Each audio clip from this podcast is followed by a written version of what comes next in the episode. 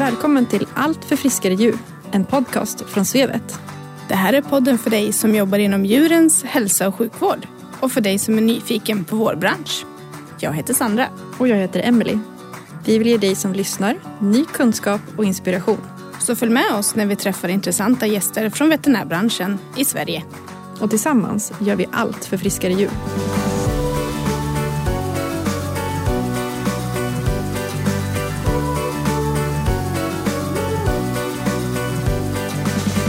Idag är det hästsnack som gäller. Vi har ett avsnitt fyllt med inspiration om hur det är att driva en ambulerande hästklinik. Dagens gäst är Tove Forslund som driver företaget Hästspecialisten. Hon är legitimerad veterinär med specialistkompetens i hästens sjukdomar och vidareutbildning inom artificiell insemination och kiropraktik på djur. Vi ser fram emot att både få prata hästsnack men också få reda på mer om Toves företag. Häng med oss hem till Toves vackra hästgård.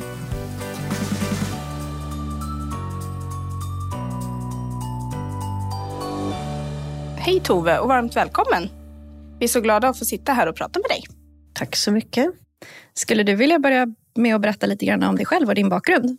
Ja, jag heter Tove Forslund och jag är ambulerande hästpraktiker. Jag blev färdig veterinär 1999 då jag tog examen ifrån Edinburgh i Skottland. Eh, jag har sedan jobbat på ett par av de största djursjukhusen i Sverige eh, med häst. Och sedan 2008 så kör jag eget. Spännande. Vad var det som gjorde att du började med att köra ambulerande verksamhet? Att du tog steget och gjorde det? Jag kände väl efter nio år på stora djursjukhus att jag var redo för lite nya utmaningar. Um, och eh, då bestämde jag mig för att starta eget och då var det egentligen inget alternativ att börja jobba med massa andra djurslag och så, utan det var ju häst jag kunde. Jag har bara jobbat med häst. Så att då bestämde jag mig för att jag skulle jobba på samma sätt som jag hade jobbat med häst med alla utredningar men kunna göra det ute i fält istället. Så jag har med mig eh, det mesta av eh, utrustning som man kan behöva för utredningar av både medicinska och ortopediska slag. Härligt att höra. Har du några egna djur hemma? Ja, vi har för tillfället fem hästar. Sen har vi några höns och två katter och två hundar. Så vi har lite att göra. Gör det något speciellt med alla djuren eller är det? Ja, hundarna är jakthundar, det är min man som jagar. Och eh, hästarna har vi, eh, två av dem är ardennrar som jobbar i skogen och, och körs lite grann på vägarna och sådär också. Och det är min man som håller på med. Eh, jag har ridhästar som jag rider lite dressyr på när jag hinner.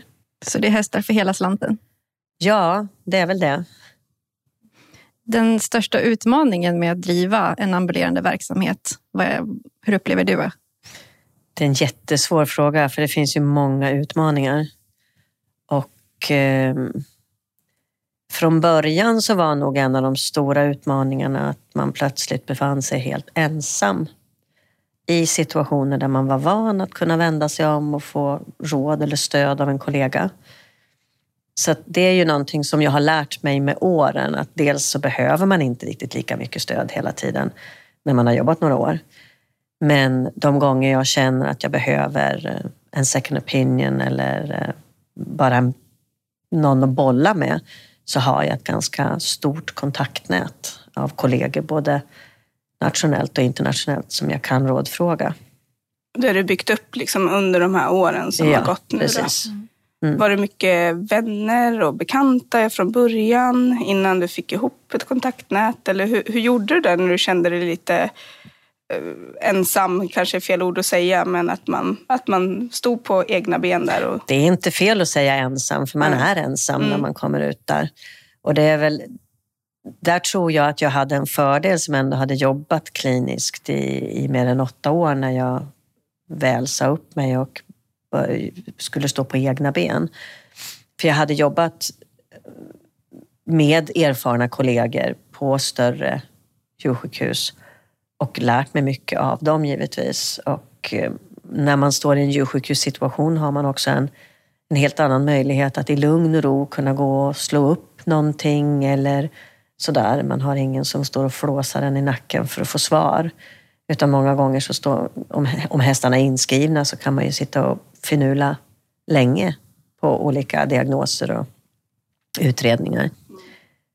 Nej, så att när jag väl hade arbetat då på djursjukhus, fått ganska mycket erfarenhet och dessutom börjat lära känna folk som var experter inom sina områden, så var det ett mycket lättare steg att ta, att gå ut och stå ensam på, på egna ben. För att dels har man samlat på sig så mycket egen erfarenhet att man inte är så rädd för att ta obekväma beslut eller eh, kunna tala om för en djurägare att man inte vet, att man behöver mm, bolla med en kollega eller ta reda på ett svar. Det kan vara ganska jobbigt att göra som nyexad. Att, att, att säga till någon att jag vet inte. Men så som jag ser det är det en stor styrka att faktiskt våga säga till någon att jag vet inte, men jag ska ta reda på det. Det kan ju vara en förtroendeingivande del också när man säger att även om jag inte vet så ska jag ta reda på det. Du ska få rätt svar. Jag känner mm. att de flesta, eller i stort sett alla djurägare uppskattar att man erkänner att man har brister, men att man tänker ta reda på rätt svar och mm. hjälpa dem så gott man kan. Eller skicka dem vidare till en annan instans som kanske har bättre förutsättningar att kunna lösa problemet. Men så den utmaningen tror jag att jag har växt ifrån så det är ingen utmaning längre. När ungefär tror du, hur många år tror du det tog innan du kände att du började växa ifrån det här? Att det började kännas liksom, det här är helt naturligt? Jag var där när jag eh, startade eget. Du var där redan då? Ja, mm. Häftigt. Vi har ju sett din jättefina eh, bil där du har allting eh, du behöver när du åker ut. Mm. Är det någon utrustning som du känner att du egentligen skulle behöva men som du inte har möjlighet att ha med dig ut? Ja, det är det nog egentligen inte. För att det jag saknar utrustningsmässigt för att kunna gå vidare med en del patienter, det är ju typ att man tar klivet till skintigrafi och MR och sånt. Och det är ju ett långt kliv. Ja, det, det, är lite svårt, det, det behöver det man ju svårt. ha. så att därför så, så, känner jag att jag har egentligen den utrustning som man kan ha för att göra så mycket, det, det man kan göra i fält. Resten går inte att göra i fält. För jag har ju, jag har ju röntgen och jag har ultraljud, jag har shockwave, jag har endoskopi och gastroskopi. Ehm, och just så mycket mer känner jag inte att jag behöver ha ute i fält egentligen. Nej, så det är egentligen en fullt fungerande klinik på fyra hjul? Ja. Sen är det givetvis så att man måste remittera saker och ting för att det behövs en annan kompetens också. Mm. Eh, jag tittar mycket på ögon till exempel och tycker att jag är bra på ögon på häst och, och har mycket ögonfall och jag har gått mycket bredvid ögonspecialisterna när jag jobbade på Strömsholm. Men eh, där är det ju fortfarande ganska många fall som jag känner att jag vill remittera. Och det är ju inte på grund av att jag inte har utrustningen egentligen, utan det är ju för att det krävs en helt annan kompetens. Saknar du att ha det nära till hand som du hade då när du jobbade på klinik? Kan du sakna det arbetet idag eller känner du dig nöjd med din arbetssituation? Jag saknar inte det, för jag tycker att jag har ett så bra kontaktnät som sagt och de kollegor jag remitterar till är överlag duktiga på att återkoppla. Så jag tycker att jag lär mig och jag har en bra, bra kommunikation med, med mina kollegor. Vad roligt att höra att du är nöjd. Inspirerande att få höra både liksom dina förutsättningar, eh, var du har varit och din bakgrund och alltihopa också. Att du är så tillfreds med situationen som du faktiskt har jobbat fram själv. Och då kommer jag lite till en, en undran jag har haft. Eh, hur var det för dig att starta upp och bli din egen chef och få ansvara för alla delar som det innebär att driva eget? Eh, ekonomiska biten och mm. allt. Hur, hur, hur, var det? Var det läskigt? Ja, det är mm. klart att det är lite läskigt när man precis ska ta steget. För jag har ju ingen ekonomisk utbildning alls och man får ju egentligen inte med sig någon utbildning inom ekonomi ifrån, från veterinärutbildningen. Så att det var ju eh, ett, ett lite läskigt steg att ta. Eh, men återigen, där hade jag bekanta som kunde ekonomi och som kunde hjälpa mig i början. Sen har jag valt att jag eh, lägger ut hela redovisningen på en redovisningsfirma som kör hela momsredovisningen var tredje månad och, min eh, deklaration och allting sånt. För att jag känner att det är de bra på. Jag kan lägga min tid på saker som jag är bra på istället.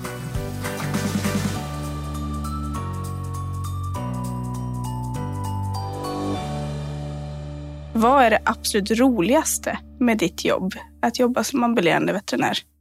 Det, det finns ju många saker som är roliga, men det jag tycker är en stor fördel är att när, i och med att när någon ringer och bokar tid hos mig så vet de att det är mig de får.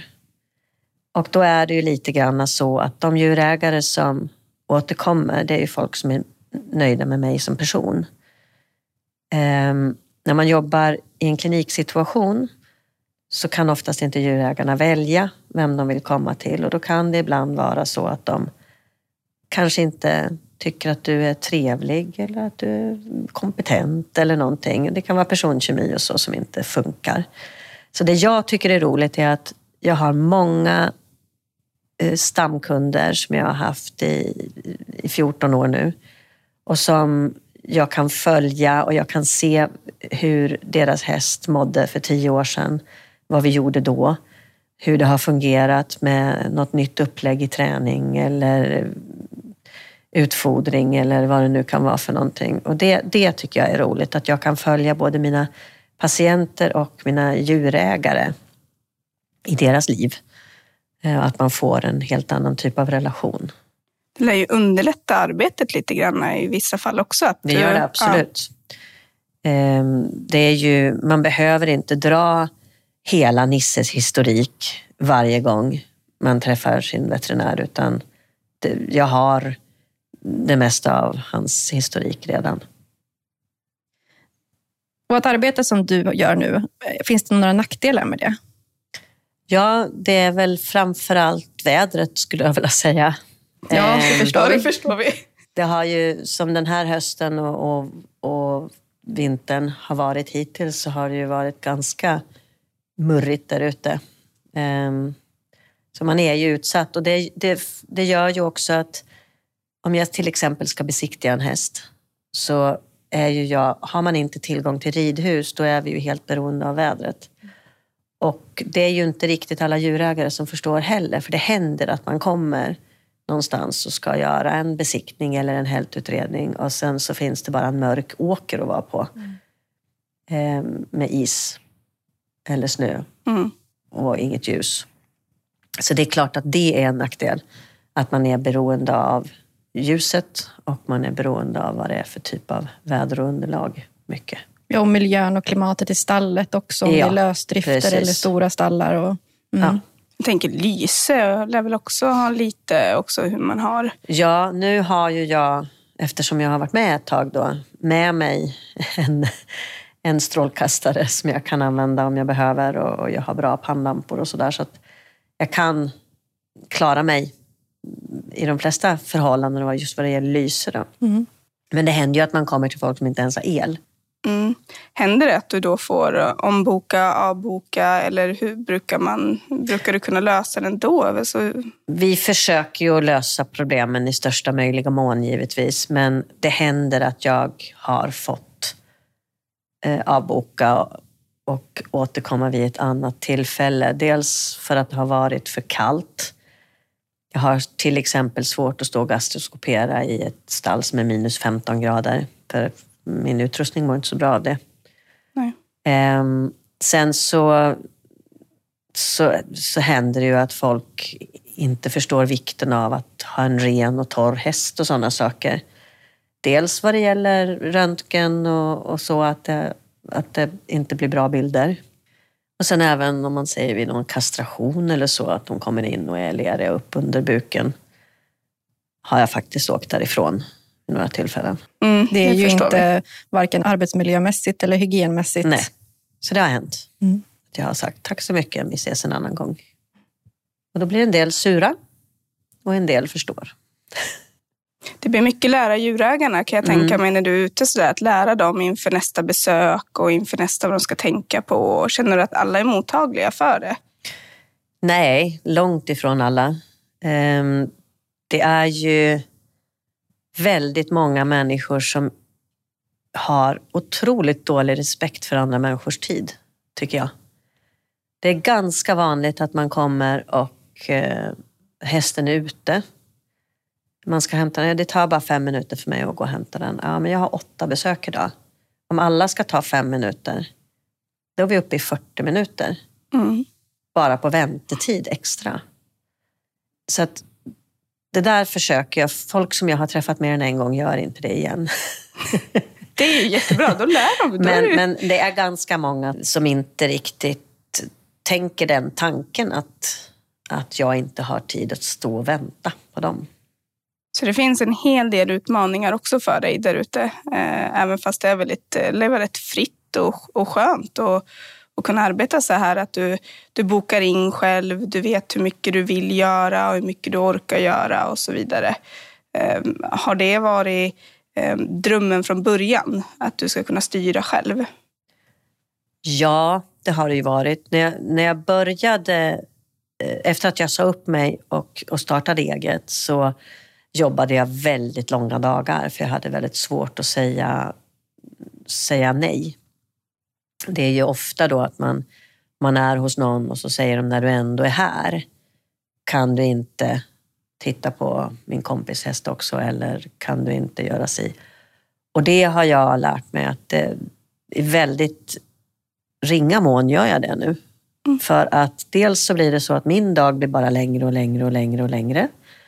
Och sen tycker jag att det är oförskämt mot mina andra djurägare som står och väntar på mig. Så att jag brukar vara noggrann med att hålla tiderna. Jag brukar göra så att jag bokar in en dag som jag ska komma. Då har jag massa, försöker jag lägga resor som är åt samma håll. Och sen när jag ser att den dagen börjar bli full så räknar jag ut en rutt och sen skickar jag ut tider till folk och då skriver jag att jag kommer någon gång mellan 9 och 10 till dig. Och håller jag inte det så att jag blir senare än fem över tio, då skickar jag ett sms under dagen och säger att jag kommer att bli sen till dig. Jag kommer beräknas komma då och då istället. Eller jag vet inte hur lång tid det här kommer att ta. Jag kommer att bli jättesen. Jag hör av mig när jag är på väg. För det tycker jag är ett sätt för mig att visa att jag respekterar deras tid. Och jag förväntar mig att de ska respektera mig och mitt arbete och min tid också. Och du har ju ett väldigt effektivt bokningssystem på så sätt. Det blir tydligt för djurägarna, som jag vet själv av egen erfarenhet, att man, det är inte svårt att misstolka och man vet också vad det är som gäller. Det känns som att det blir klarare och tydligare. Ja, och jag brukar som sagt vara bra på att hålla tiden. Och det är väldigt många djurägare som uppskattar det. För att det är ju svårt som djurägare också när man har tagit ledigt från jobbet och kanske man står där och funderar, kommer hon idag eller inte? Eller har vi missuppfattat tiden eller vad är det som händer? Och därför så, så tycker jag att det hör till att visa respekt, att man helt enkelt Sen kan man bli, men då hör man av sig så att folk vet att man, vad, vad man håller på med och när man beräknas komma.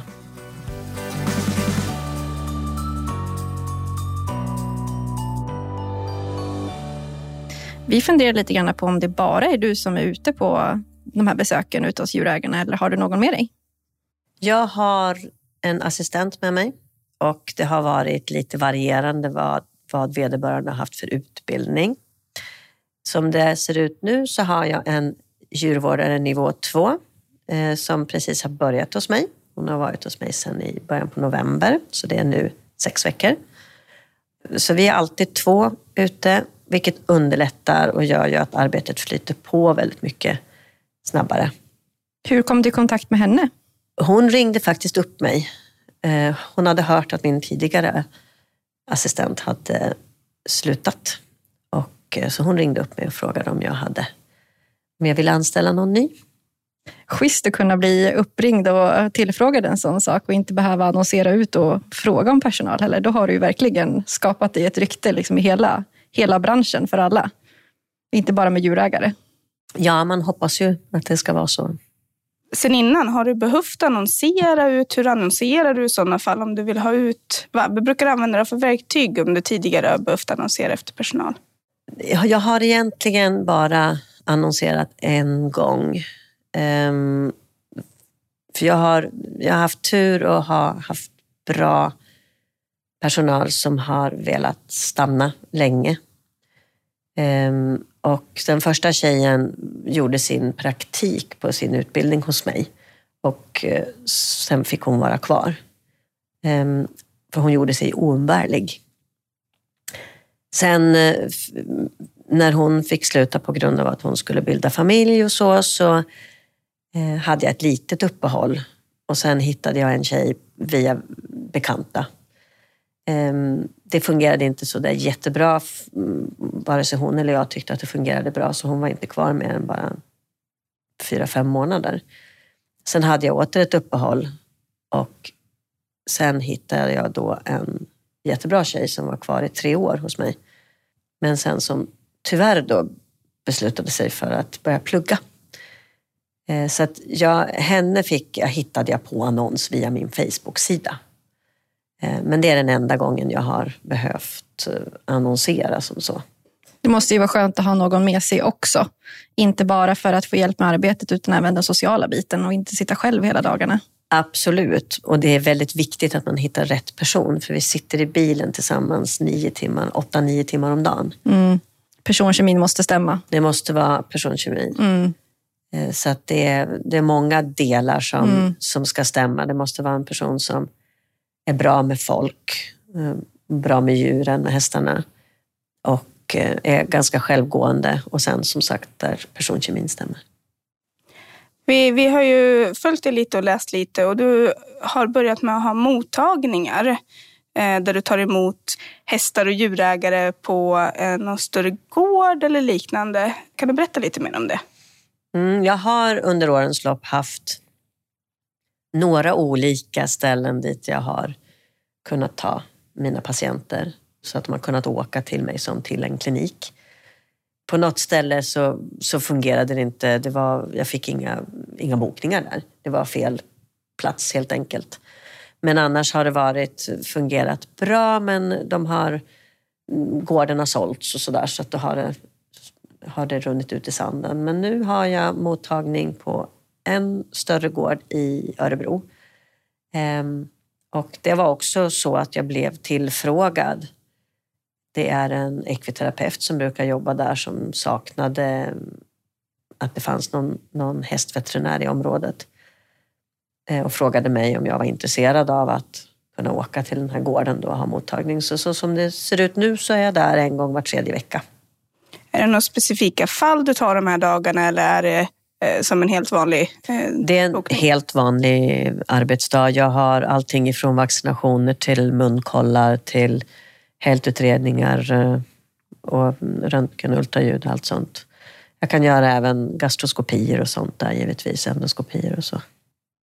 Är det någonting du inte gör en första koll på? Nej, nej. det nej. tror jag inte att det är faktiskt. Hur har du det? Nu är det väldigt stor efterfrågan. Är det svårt att få tider hos dig just nu? Eller eh, märker du någon skillnad nu från år till år om man säger så? Då? Jag kan nog generellt sett tycka att det här året har i perioder varit lite sämre än vad det eh, brukar vara. När kriget i Ukraina bröt ut så såg jag en dipp Eh, som varade lite längre än vad det brukar kunna göra den årstiden.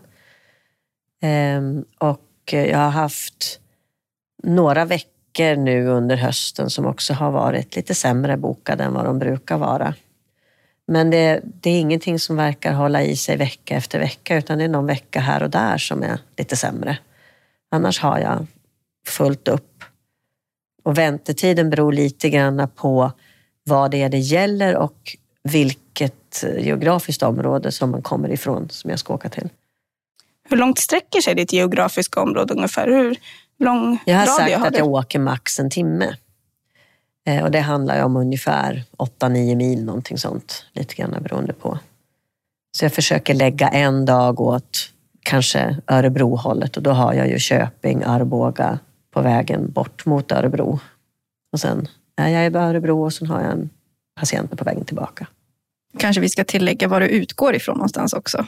Ja, jag utgår ifrån Kolbäck. Eh, Det ligger mellan Västerås och Eskilstuna i närheten av Strömsholm. Du tar ju garanterat, eh, gissar jag på, väldigt mycket prover och sånt. Blodprover och andra prover. Mm. Eh, hur, hur, vart vänder du dig? Vad- Använder du något speciellt labb? Eller hur, vad har du tagit till för medel för att få det analyserat? Jag har inget eget labb, Ehm, utan jag använder mig i princip av två labb kan man väl säga. Eller tre, förlåt. Ehm, mycket prover lämnar jag in på Strömsholm, eh, som är fem minuter ifrån mig. Och de har väldigt bra labb med kompetent personal som kan göra det mesta. Eh, och där får jag väldigt snabb service. Sen eh, skickar jag en hel del blodprover till Tyskland om det är större paneler och det inte är någonting som är bråttom, för där får jag väldigt mycket mer för pengarna. Och sen så skickar jag vävnadsprover. Om jag tar biopsier och sådana saker, det skickar jag till Biovet i Stockholm. Vad skönt att du ändå har valmöjligheter och att du även då har nära till Strömsholm till exempel som kan hjälpa dig med de proverna du behöver hjälp med. Ja, det tycker jag är en enorm fördel för att det gör ju att jag kan ta akuta prover och få väldigt snabb och kompetent service eh, på cytologier och sådana saker. Eh, Och blodprover givetvis. Och hjälpa djurägarna och hästarna lika fort också Ja. tillbaka. Precis. Mm.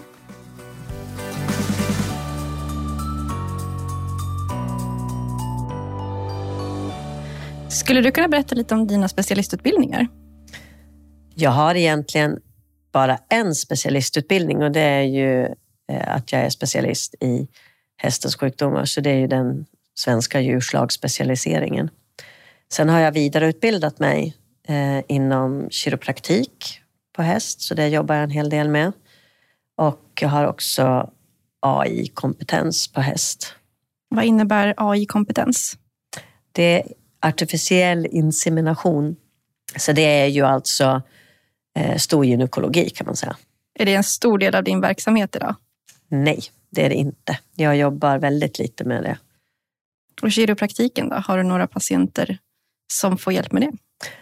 Absolut. Jag har inte jättemånga hästar bokade bara för kiropraktik, men det är någonting jag använder väldigt mycket i utredningen av halta hästar eller eh, hästar med ridbarhetsproblem och så, så är det ett komplement till den vanliga hältutredningen. Eh, jag tycker att jag har fått andra instrument att kunna känna och se på hästarna med lite andra ögon. Det är en jätterolig insikt i det hela också, att det inte bara är ytterligare en behandlingsdel utan att även det har kompletterat din eh, yrkeskompetens i det stora hela, som du säger, med hälsoutredningen och så. Mm, det tycker jag absolut att det har gjort. Det är viktigt att man vidareutbildar sig under tiden som man arbetar.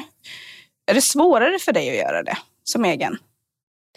Nej, det är inte svårare. Eh, Det är väl snarare lättare för att jag har ingen eh, satt budget som talar om hur många kurser jag får gå på varje år. Utan jag eh, väljer ut de kurser som jag själv tycker är intressanta.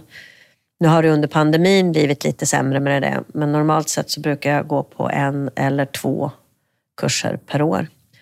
Det jag tycker eh, är svårare och svårare är att hitta mm, utmanande kurser.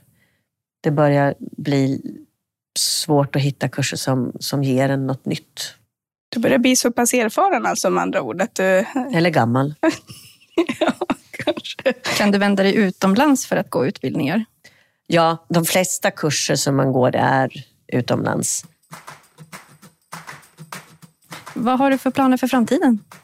Jag har väl inte några större planer för, för företaget så för framtiden utan jag kommer att rulla på som det är. Jag har lekt lite med tanken att anställa fler veterinärer och utrusta en till bil eller så men har landat i att eh, jag är ganska nöjd i, i den lilla skalan jag kör. Så att jag kommer nog inte göra några stora förändringar. Det är också en plan. Ja, det kanske det mm. Har du några tips till den som funderar på kanske att antingen starta eget företag eller en ambulerande verksamhet som du har idag? Ja, framförallt så är det väl tips till unga veterinärer att jag tror att det är en bra idé att jobba ett antal år på en klinik eller ett djursjukhus eller så där man har kollegor som stöd innan man ger sig ut och, och ska vara ensam ambulerande. Sen beror det ju givetvis på vad man är för typ av personlighet. Det finns ju många som startar eget det första de gör när de är nyexade, men överlag så tror jag att det är bra att, att eh, få lite skinn på näsan, knyta lite kontakter och känna sig lite trygg i sin yrkesroll innan man ger sig ut i den stora vida världen alldeles själv. Det låter väl som väldigt bra grundtips eh, till den som kanske funderar på det och våga stanna lite längre kanske på en stabil arbetsplats och som du säger skaffa sig lite erfarenhet först. Mm. Det är klart att det kommer alltid finnas de som vågar kasta sig ut och prova vingarna men med dagens eh, arbetsmiljö som det är för veterinärerna så kanske det är en god idé. Det är precis som du säger, att det kan ju vara många djurägare som, som är svåra att hantera och man får lära sig mycket på kliniken också när det kommer till den typen av arbete. Ja, och sen har man ju framförallt har man en... Man har oftast stöd i ryggen om man har en klinikledning som kan backa upp en. Om man har djurägare som kanske inte är nöjda med det man gör eller har klagomål på kostnader eller annat så kan det vara skönt att, att ha någon att hänvisa till i början. Då kommer vi till den här frågan då. Finns det några fallgropar som du kan tipsa om och inte falla ner här när man startar sitt egna början? Nu var det ju ett par år sedan du gjorde det här, så det kanske inte är jättefärskt på minnet. Men eh, är det någonting som du kommer på så här, akta, akta för det här när man startar upp? Egentligen så tror jag att det enda rådet jag har är att man ska bestämma sig för hur man vill jobba och vad man tycker är acceptabelt i beteende och, och så ifrån djurägare redan från början. För att om man inte från början vågar tala om hur man vill bli behandlad så är det ganska svårt att ta sig ur det sen. Så jag tycker att man måste våga ta betalt för sina tjänster och man måste våga ställa krav på att, eh, att folk uppför sig, att de håller tiderna. Om jag håller tiderna så håller du tiderna. Om, om jag hjälper dig och ger mycket råd och sånt så betalar du när jag har fakturerat dig. Sen har vi det här med arbetsklimatet. Det är ju väldigt ständigt under diskussion i den här branschen. Eh, upplever du att det påverkar dig mindre som egenföretagare än vad det kan göra för andra på kliniker och sånt där? Det är klart det gör, för att jag har ingen chef som säger till mig vad jag ska göra och jag har ingen anställd som klagar särskilt mycket. Jag har en anställd, men vi jobbar så tätt ihop och där är det lite grann så att de vi inte trivs ihop så blir det naturligt att vederbörande säger tack, jag vill nog inte vara kvar hos dig eftersom vi jobbar eh, väldigt, väldigt nära varandra hela tiden. Så att det där med arbetsklimat är egentligen någonting som inte berör mig, får jag väl säga. Jag, jag skapar ju mitt eget arbetsklimat. Skönt att kunna ha den, den kontrollen över både sin arbetssituation, sina arbetstider, sitt arbetsklimat och även i viss mån då i alla fall sina kollegor. Ja, det är jätteskönt och som sagt, eh, jag vet inte om min assistent tycker samma sak, men vi, vi, jag försöker ju eh, att vara lyhörd och att eh, vi, man respekterar varandra. Och jag jobbar ju på ett sånt sätt att jag mm, måste kunna ge henne ledigt till exempel om hon behöver iväg på någonting eller har önskemål om sommarledigheter och sånt så, så försöker jag ju anpassa mig också för att även hon ska tycka att hon får en bra arbetssituation. Såklart. Det har ju varit väldigt länge på tapeten om det här med att det är veterinärbrist. Eh, känner du av det? Att det är det på klinikerna och, och, och större djursjukhusen? Att det är dåligt med personal?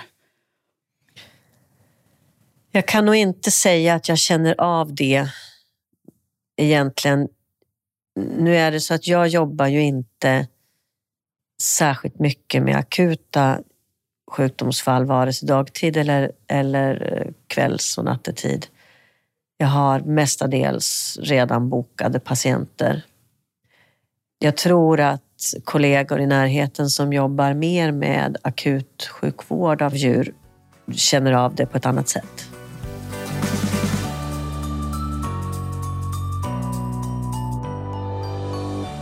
Det var jätteroligt att ha dig med i podden Tove och få prata med dig. Tack så jättemycket. Vi har en liten fråga innan vi avrundar. Och det är om du har några förslag på gäster eller ämnen som du skulle vilja lyssna på i podden. Ett ämne som alltid är aktuellt eller som är väldigt aktuellt just nu också är ju den psykiska hälsan eller ohälsan eh, hos veterinärer. Eh, det är många veterinärer som väljer att avsluta sitt liv och eh, det är många unga veterinärer som blir utbrända och som, som mår dåligt. Så det är ju ett intressant ämne att ta upp tycker jag, om ni har någon person som är insatt i lite mer i, i statistik och, och, fakta runt det. Det ska vi absolut ta med oss. Tack så jättemycket. Om man vill komma i kontakt med dig, hur går man tillväga då?